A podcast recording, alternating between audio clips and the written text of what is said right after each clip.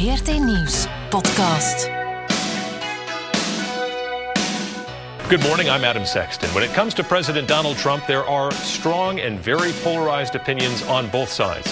From the left, there are calls for impeachment, and one of the people leading that charge is Tom Steyer, and he's our guest. I'm Aaron Burnett. Out front tonight, how stupid does Trump think we Americans are? Heeft Donald Trump er gelegen? Ging hij alweer een stap te ver? Al anderhalf jaar hoor ik het onafgebroken rondom mij. Dit is de brug te ver. Nu is het voorbij. Het einde is aangebroken. Hij heeft gelogen en nu moet hij opstappen. Wel nu verre van en bij lange niet. Elke keer opnieuw maken zijn critici dezelfde denkfout. Dat zijn aanhang slinkt. Dat zijn supporters in grote drommen weglopen na elke brutale tweet of na elke beleidsdaad die enorme controverse wekt. Het tegendeel is waar. Trump geeft zijn kiezers elke keer precies wat ze van hem verlangen. Wanneer gaan zijn tegenstrevers het eindelijk eens snappen? Is de pers eigenlijk goed bezig? Wat volgt zijn mijn bevindingen na bijna twee jaar in Amerika. Een analyse die niet anders kan dan persoonlijk zijn en subjectief, maar zo eerlijk als ik kan, vanuit een journalistiek geweten, een vermoeden hoe alles eruit ziet, de wereld van mijn blote oog. Progressief Amerika voorspelt al vanaf dag 1 van zijn presidentschap zijn politieke dood. Trump werd al politiek doodverklaard vanaf die dag in juni 2015 toen hij van de trappen kwam gerold in de Trump Tower en zich prompt kandidaat stelde voor het Witte Huis. Dead on arrival kopten sommige kranten. Niet dus. I think there's blame on both sides, and I have no doubt about it, and you don't have any doubt about it either. Na elke heftige uitspraak of beleidsdaad, het verdedigen van blanke racisten in Charlottesville vorige zomer, het vredaardige scheiden van kinderen en hun ouders zonder papieren aan de Mexicaanse grens in juni dit jaar, of zijn omstreden topontmoeting met de Russische leider Vladimir Poetin in Helsinki op 16 juli, beweren zijn tegenstanders telkens weer dat Trump zijn laatste uur heeft geslagen. Dat de maat meer dan vol is dat zijn aanhangers hem nu zullen dumpen. Dat is niet alleen totaal onwaar, meer zelfs, het tegendeel gebeurt. Zijn populariteit is intussen gestegen naar 45% het hoogste percentage sinds zijn aantreden op 20 januari 2017. We cannot learn from one another until we stop shouting at each other. Richard Nixon. De tegenstanders van Trump lijken wel toondoof en steken blind. Elke controverse maakt hem sterker, niet zwakker. Het is alsof de pers op elke slag van Trump zout legt, met elk van zijn tweets ten oorlog trekt. Elk woord van Trump haalt de nieuwsuitzendingen of de voorpagina's van de kranten. Elke dag haalt de New Yorker keihard uit naar de president. En die strategie helpt dus niet. Elke aanval op Trump maakt van hem een slachtoffer. En dan staat zijn achterban pal. Ook al is veel van wat geschreven wordt over Trump overigens helemaal waar en verklaart de president elke dag de oorlog aan de pers waarzonder hij niet kan. you are fake news. Sir, Go ahead. Het is wat we nu de Trump Trap kunnen noemen, de valstrik van Trump. Afleidingsmanoeuvres door constante relletjes te stoken. Als zijn opponenten het willen hebben over een beleidskwestie zoals de loonkloof, zal Trump het op Twitter hebben over de illegale immigranten die het land overspoelen. Dan springt de pers daar meteen op, waardoor de loonkloof al begraven is voor er wordt over gediscussieerd. De Trump Trap, de afleidende valstrik. En hij werkt altijd. Velen denken onterecht dat Trumps aanhang enkel bestaat uit rapalje, uit gespuis, uit ongeschoolde arme luizen die van de wereld niet weten. Deplorables, onfatsoenlijke seksisten, racisten, domme kloten. Wel nu, die waarnemers leiden aan tunnelzicht. Ze nemen hun wensen voor werkelijkheid, ze vergissen zich schromelijk. Uit alle gegevens blijkt dat de Trump-aanhang ongeveer gelijk is aan de traditionele republikeinse coalitie. Het heftige anti-Trump-klimaat tot en met het domme verwoesten van zijn ster op de Hollywood Walk of Fame of het kleuterachtige verwijderen van Trump-medewerkers uit restaurants of cafés draagt er volgens Henry Olsen van het Ethics and Public Policy Center zelfs toe bij dat ook traditionele beschaafde republikeinen meer en meer stijgeren en weigeren om hun onbeschaafde leider Trump te laten vallen. Ook al struikelt hij geregeld en doet hij vaak domme uitspraken. Mochten Trumps tegenstanders minder verontwaardiging tonen over alles, hun conflicten beter kiezen, gericht verontwaardigd zijn, dan zou het verzet rond Trump wellicht meer effect sorteren. If they go low, we go high. Nu nemen ze zijn agressieve stijl gewoon over. Het verschil vervaagt. Zijn tegenstanders maken door hun luidruchtige, vaak hysterische strategie over alles de coalitie rond Trump hechter, één tegen allen. Ze bereiken het tegendeel van wat ze willen. De tegenstanders van Trump moeten hun hysterie leren beheersen. Wie goed kijkt, ziet dat. Wie Trump wil bekampen, moet beter zijn huiswerk maken. Hoe zou de wereld er bijvoorbeeld uitzien als we Trump zijn tweet zouden negeren? Zou hij ons dan nog kunnen bespelen? Trump gooit lokaas uit en iedereen blijft maar happen en bijten. Het happen en bijten voedt zijn ego. Wie hem wil bekampen moet zichzelf beheersen en zijn ego uithongeren. Laten we wel wezen, zijn voorgangers als president hielden ook niet erg van een kritische pers. Alleen waren ze daar minder openhartig en expliciet over. Obama was de president die als een bezetene achter lekken bij journalisten aanging. Obama verloor niet graag de controle over wat er in de pers over hem en zijn beleid verscheen.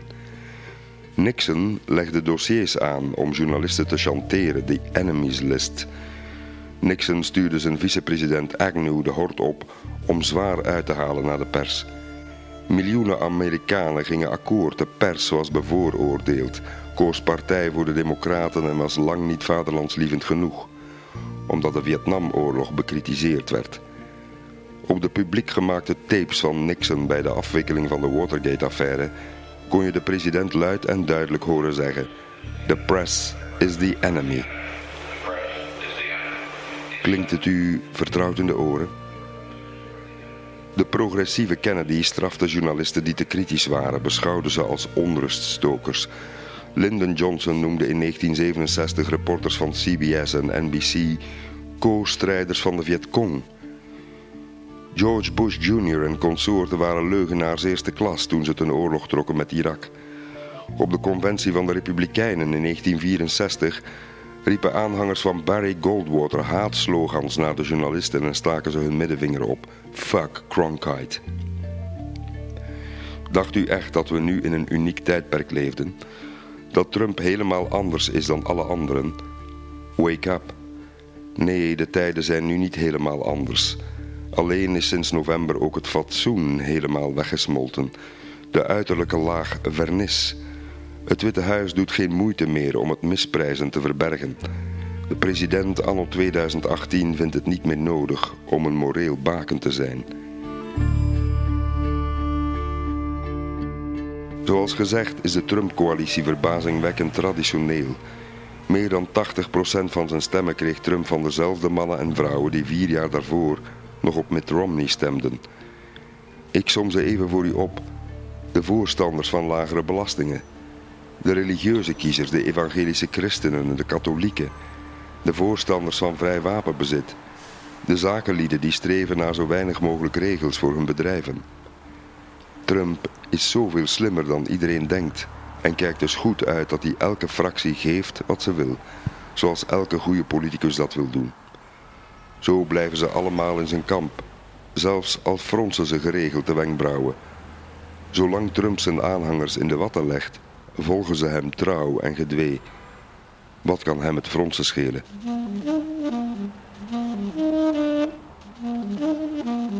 Sprak onlangs met de beroemde onderzoeksjournalist Seymour Hersh. Hij zei me: Misschien is Donald Trump de grootste leugenaar aller tijden. Dat kan goed zijn. Maar hij weet hoe de politiek draait. Hij weet hoe hij zijn fracties aan zich moet binden. De Democraten hebben een foute strategie. Ze bekampen al zijn leugens met de grootst mogelijke verontwaardiging, net zoals Hillary dat deed. Maar ze vergeten de kiezers voor zich te winnen en ze aan zich te binden met aantrekkelijke eigen beleidsvoorstellen. Trump beledigen en beschimpen alleen volstaat gewoonweg niet, zei Hirsch. In de politiek heeft men geen vrienden of vijanden, alleen belangen. Neem nu de evangelicals. De Amerikaanse evangelische christenen weten dat president Trump geen pilaarbijter is. Ze weten zeer goed dat hij geen bijzonder kuis leven leidt. Denk aan Stormy Daniels, denk aan Grab Him by the Pussy. Maar eigenlijk zal ze dat worst wezen. De evangelicals maken zo'n kwart uit van de Republikeinse partij. Ze zijn bang dat de maatschappij in snel tempo ontkerkelijkt. Dat progressieve krachten hun religieuze rechten zullen inperken. Dat meer en meer abortus zal worden gepleegd. Dat homo's en transgenders de wereld zullen regeren.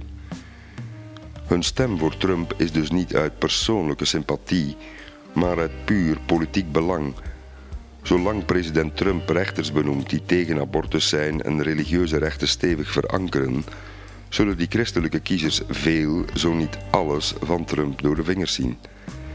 Ja, elke dag storen ze zich aan het lompe gedrag van Trump. Maar zolang hij doet wat ze willen, zullen ze loyaal blijven aan deze president.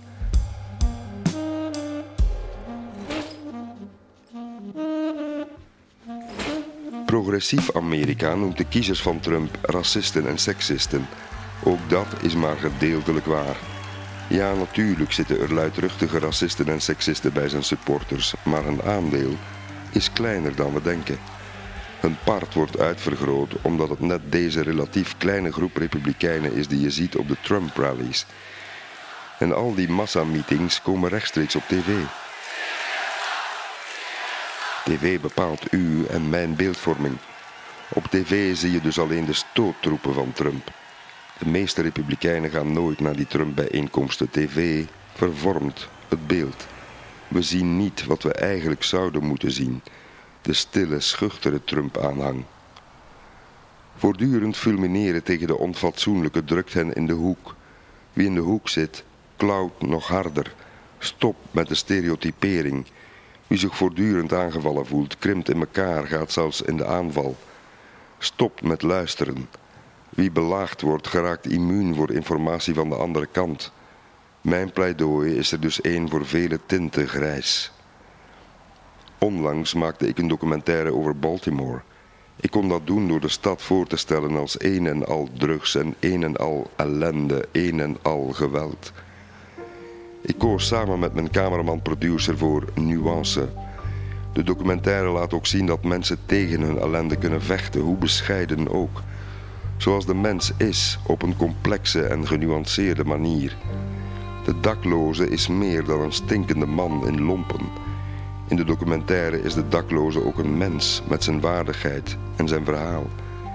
Ik wil als journalist niet alleen tonen dat iemand iets doet, maar waarom iemand dat doet. There's a story, there's always a backstory. Zoals Pamela Curtis, de zwarte vrouw die strijdt voor de heropbouw van haar buurt in Baltimore, maar voor de camera toegeeft met tranen in de ogen dat ook zij het soms niet goed weet, dat ze de last en de druk voelt om een leider te zijn. De stootroepen van Donald Trump zijn tegen homo's, tegen immigranten, tegen moslims, tegen buitenlanders, tegen wetenschappers tegen democraten, tegen de media, zelfs tegen overlevenden van schietpartijen die pleiten voor strengere wapenwetten. In hun hoofd zijn heel veel andere Amerikanen vijanden en tegenstrevers. Ze voelen voortdurend walging voor wie niet is zoals zij. De ironie is deze, schreef de progressieve predikant John Pavlovitz onlangs. Ze hebben hun president in het Witte Huis, ze controleren de wetgevende macht in het congres en het Hoge Rechtshof neemt beslissingen in hun voordeel. En toch voelen ze zich de verdrukten, degenen die door de Amerikaanse staat worden versmacht. Rage against the machine. Een machine die ze zelf mee hebben gecreëerd, gedreven door angst en woede. Amerikanen worden geteisterd door uitgezaaide kankers en gezwellen. Alleen moeten degenen die de ziekte willen bestrijden van het land oppassen dat ze in hun verbeterstrijd niet meer en meer beginnen te lijken op diegenen die ze willen bekampen. Elke republikein heeft dus zijn of haar reden om de omstreden president Trump te blijven steunen. Het is de mens ten voeten uit, elk stemt uit eigen belang, niet vanwege grote principes of een hoger doel. Ecce homo, zie daar de mens. Dat wil niet zeggen dat de Trump-stemmers allemaal blind zijn.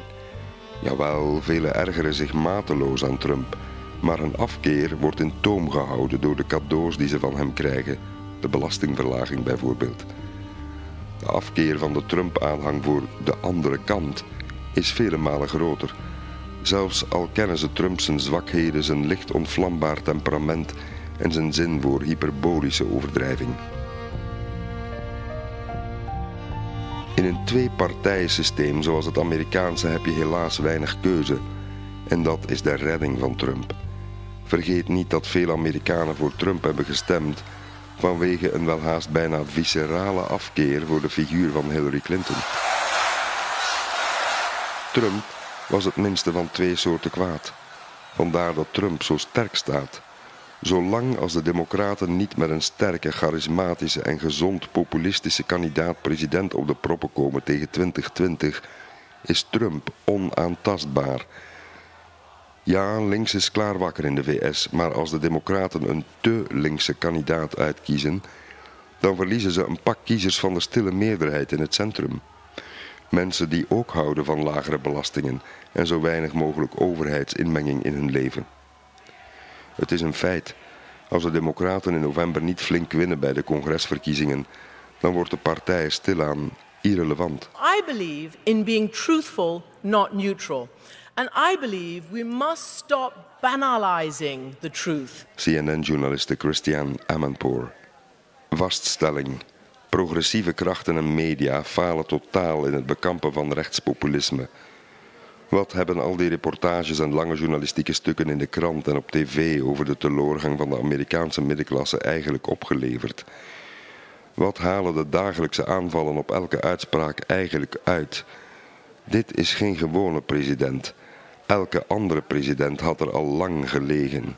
Niet Trump, niet in deze tijd. Hij probeert voortdurend twijfel te zaaien en gaat daarmee de concurrentie aan over vaststaande feiten. Een beproefde techniek van populisten zaait twijfel in de hoofden van je aanhangers en ze doen alles voor je. Trump is er op die manier in geslaagd om haat tegen politieke correctheid om te turnen naar haat tegen immigranten of moslims. Om het heden te begrijpen moeten we altijd naar het verleden kijken. De wijdverspreide frustraties bij veel Trump-stemmers zijn nog altijd het gevolg van de financiële crisis tien jaar geleden. President Obama had in 2008 de uitgelezen kans om de graaibankiers te straffen na de bankencrisis. Die kans liet hij evenwel grandioos uit de handen glippen en hij niet alleen. De kleine man betaalde, overal ter wereld, het gelach. De wereld en Amerika werden niet hervormd zoals het had gemoeten. Daarom kon de haat tegen de elite blijven groeien, als een vuile, zwellende zweer die ooit moest uitbarsten. In Amerika kozen de democraten ervoor om de banken te redden, de superrijken ongemoeid te laten en de ongelijkheid nog te laten toenemen. Ze verweten daarna hun boze kiezers te veel ongeduld en dat ze te veel eisend waren. Een fatale aanpak. De rekening kwam, de zweer barstte open en Amerika kreeg Donald Trump. De democraten lieten de gouden kans schieten om de woede van het volk op te vangen en te vertalen in ander beleid de Tea Party en later Donald Trump, vingen die woede wel vakkundig op. Dat was het genie van Trump en het rechtse populisme. Volgens politiek analist en historicus Thomas Frank is daardoor het verleden als een boemerang teruggekeerd. Cultuuroorlogen over abortus, over immigratie, over de vlag en het volkslied zijn plots weer springlevend. De haatmachine tegen de minderheden draait op volle toeren en wordt door de president zelfs aangewakkerd. Dat alles tegen de verwachte voortgang van de wereld in. Eigenlijk hebben de democraten hun achterban schromelijk in de steek gelaten. En daar betalen ze nu een reusachtige prijs voor. This land is your land and this land is my land. From the California to the New York Island. From the Redwood Forest to the Gulf Stream waters. This land was made for you and me. Binnen de Democratische Partij woedt intussen een weinig gecoverde oorlog tussen de linkse vleugel Bernie Sanders en zijn volgelingen, zoals reizende ster Alexandria Ocasio-Cortez, en het partij-establishment Nancy Pelosi en co. De gevestigde orde dwarsboomt nog min nog meer de progressieve vleugel. De linkervleugel zegt bijvoorbeeld dat ze ICE, de grensbewakingsdienst in de VS, wil afschaffen en pleit voor een publiek betaalde ziekteverzekering voor iedereen. In Amerika zijn dat ideeën die nog geen diepe wortel hebben geschoten en waarmee je geen meerderheid van de Amerikanen achter je krijgt. Dat heel veel Amerikanen het niet eens zijn met de harde, vreedaardige aanpak van illegale immigranten, wil daarom nog niet zeggen dat ze fan zijn van het idee om de grens met Mexico gewoon open te gooien. Het zijn linkse ideeën als deze, weliswaar geboren uit groot idealisme over de wereld, die de republikeinse kiezers als één blok achter Trump verankeren, omdat ze het alternatief nog veel gekker vinden. Wie voor beveiligde grenzen is, is daarom nog geen racist. Because you pretend like you hate him, but I think you love him. I think what no one in this room wants to admit is that Trump has helped all of you. He's helped you sell your papers and your books and your TV. You helped create this monster and now you're profiting off of him. Michelle Wolf, stand-up comedian op het correspondentendiner van het Witte Huis, 2018. Het valt niet te ontkennen, de vijandschap van de pers elke dag in de krant, elke dag uren aan een stuk op tv tegen Trump, het bashen 24 uur op 24 in alle media en alle late night shows helpt echt niet. Trump vindt het stiekem heerlijk. Het geeft hem alle aandacht. En dan kan hij voor zijn aanhangers nog eens flink tekeer gaan tegen wat hij fake news noemt. De legitimiteit van de pers wordt elke dag aangevallen. Journalisten worden elke dag beschimd. Laten we dus minder hijgen om elke tweet. Negeer die bullshit. Laten we meer op reportage gaan.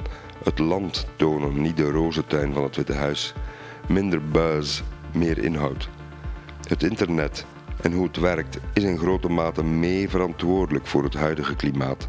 Sociale media geven mensen het nieuws dat populair is en trending. Meer dan het nieuws dat accuraat is en belangrijk. Dat algoritme bij de sociale media is nefast voor de verspreiding van scheve verhalen, van leugens en samenzweringstheorieën. Het internet is geen afspiegeling meer van de realiteit, maar een vervorming ervan. Waarom besteden zenders als CNN en MSNBC honderden uren meer zendtijd aan pornostar Stormy Daniels dan aan de oorlog in Syrië of Jemen? Waarom gaat avond aan avond nagenoeg alle zendtijd naar de dissectie van één uitspraak van het Witte Huis en niet, of bijna nooit, over de verwoestende drugepidemie die Amerika teistert of over hoe zelfs in een tijdperk van lage werkloosheid veel werkende Amerikanen amper rondkomen? dat de grote economische groei de kleine Amerikaan niet vooruit heeft geholpen. Waarom? What the hell is the matter with you, America? You guys gotta stop putting Kellyanne on your shows. All she does is lie. If you don't give her a platform, she has nowhere to lie. Michelle Wolf op het correspondentendiner van het Witte Huis dit jaar. Voor mensen die graag bedaard nadenken en een leven willen op basis van feiten is deze tijd bedroevend. Regeringsleiders komen steeds meer en steeds makkelijker weg met leugens. Onwetendheid is keihard in de mode. Expertise is in het verdomhoekje geduwd, wegens te elitair, terwijl er net zoveel behoefte aan is. Trump gaat prat op de wijsheid van de massa, die zijn verdraaide feiten slikt als koek. Hij verwijdert experts uit allerhande overheidsinstellingen in de VS blijven te veel gretige persorganen gewoon verslag uitbrengen vanuit het perszaaltje waar Sarah Huckabee Sanders hen toespreekt, met iets wat meer lijkt op propaganda dan op informatie.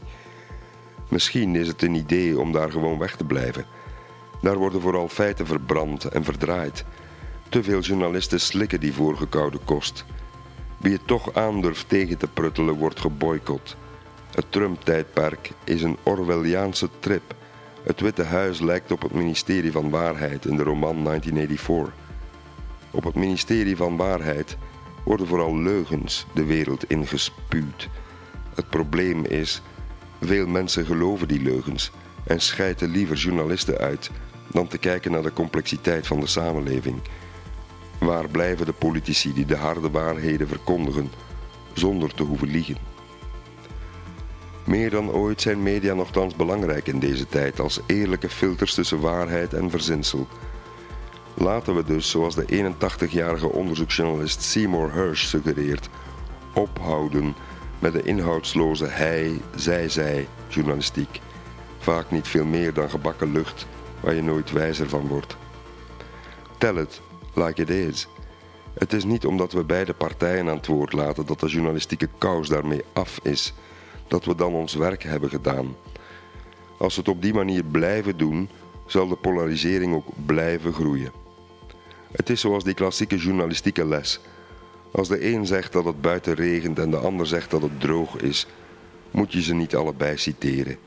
Als journalist moet je uit het raam kijken en zelf vaststellen wat waar is of vals.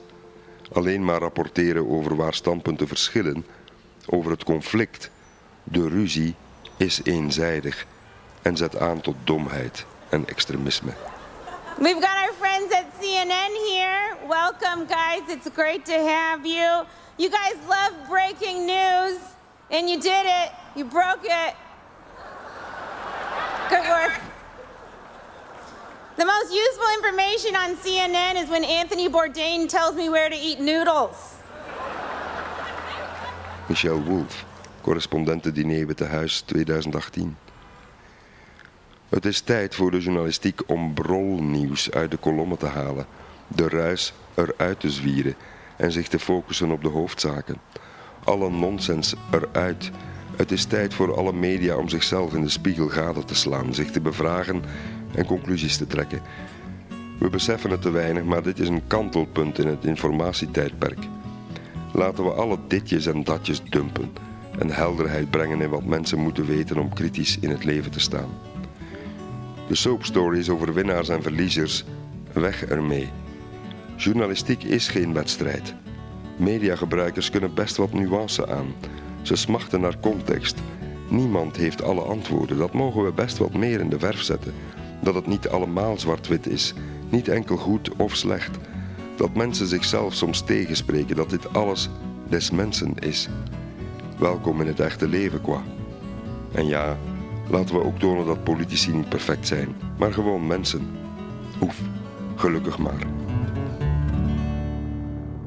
Oh ja, als je Trump de winnaar noemt in een handelsconflict, als hij meer sojabonen mag gaan slijten aan de EU, dan heb je het goed fout. De Amerikaanse bonen zijn namelijk spotgoedkoop sinds de boycott van de Chinezen. Niet Trump, maar de EU wint, als je het dan toch wilt weten. Want kan nu de goedkopere bonen inkopen. Journalistiek is meer dan hapklare perscommuniqués copy-pasten. Nee, de strategie van zijn tegenstanders helpt geen zier. Het maakt de steun voor Donald Trump alleen nog solider. Zo zijn alle columnisten bij de New York Times en de Washington Post Trump-haters. Ze spuwen verbaal op hem. Vervolgens stelt Trump zich uiteraard op als een Calimero en spuwt hij lekker terug. Wat een schouwspel. It's always the same. They're big and I'm little, and little chicks always get blamed for everything. But it's an injustice, it is. Trumps aanhangers kiezen voor de underdog, in dit geval de president. Zolang de media dat niet snappen, kan Trump op beide oren slapen. Zolang de pers als een gek tegen elke tweet ingaat, zal de aanhang van Trump nog verharden. Dat is gewoon een feit. Na anderhalf jaar snapt men het hier nog altijd niet. Trump plays them. Trump owns them, zei Seymour Hersh tegen me. Hij heeft wellicht gelijk. Vergeet niet, voor Amerikanen die worden geteisterd door jarenlange frustratie, is de Donald hun redder, hun wreker. Zolang elke uitlating van Trump wordt bestookt met bommen en granaten, moet het ons niet verwonderen dat echt zorgwekkende zaken zoals de drugepidemie, het geruisloos weer toelaten van asbest of president Trump die maar kritiekloos blijft aanschurken tegen Vladimir Poetin, op den duur worden genegeerd door de meeste kiezers. Trump wordt elke dag gebombardeerd. Dat is het nieuwe normaal. waardoor niets nog opvalt in een nieuw cyclus die zich razendsnel in ADHD-tempo voortbeweegt. Elke dag gaan tientallen kanonschoten tegelijk af, waardoor niemand nog weet waar het echte gevaar vandaan komt. Zolang op elke mug wordt geschoten, zal de olifant blijven ontsnappen. Dat is de grote Amerikaanse tragedie. The people of this country, they're screaming at you for a reason. They don't like your unfair, abusively biased treatment of the President of the United States. Sean Hannity, presentator op Fox News, juli 2018. Laten we duidelijk zijn. De aanvallen op journalisten zijn schandelijk. De vijandigheid wordt door Trump elke dag aangevuurd en houdt zijn stootroepen wakker. Fox News werpt zich op als anti-pers en als propagandamachine van het Witte Huis. Het was Jim Acosta van CNN die onlangs terecht stelde... wat als de vijandigheid tegenover de journalistiek uiteindelijk fout afloopt en er slachtoffers vallen. Een gezonde democratie heeft een sterke pers nodig. Een president in een democratisch bestel moet aanvaarden dat elke oplossing tegen het licht wordt gehouden. Billig niet als een vijand, niet als een vriend, wel als nauwgezet waarnemer op zoek naar de beste versie van de waarheid. Trump heeft in dit tijdsgevricht ook het geluk aan zijn kant.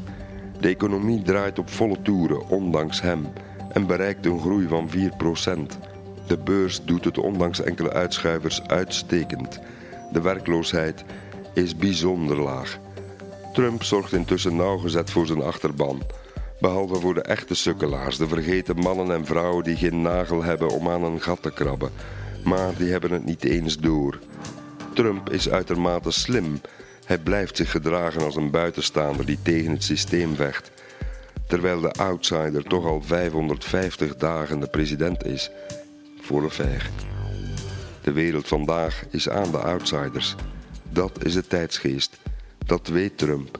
En daarom kan hij zich ongestraft gedragen als een onbeschofte rebel.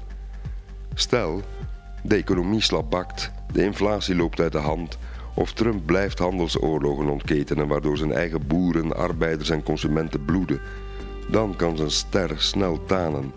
Maar eerlijk, als er vandaag verkiezingen worden gehouden, dan wint Trump andermaal. Op één been zelfs.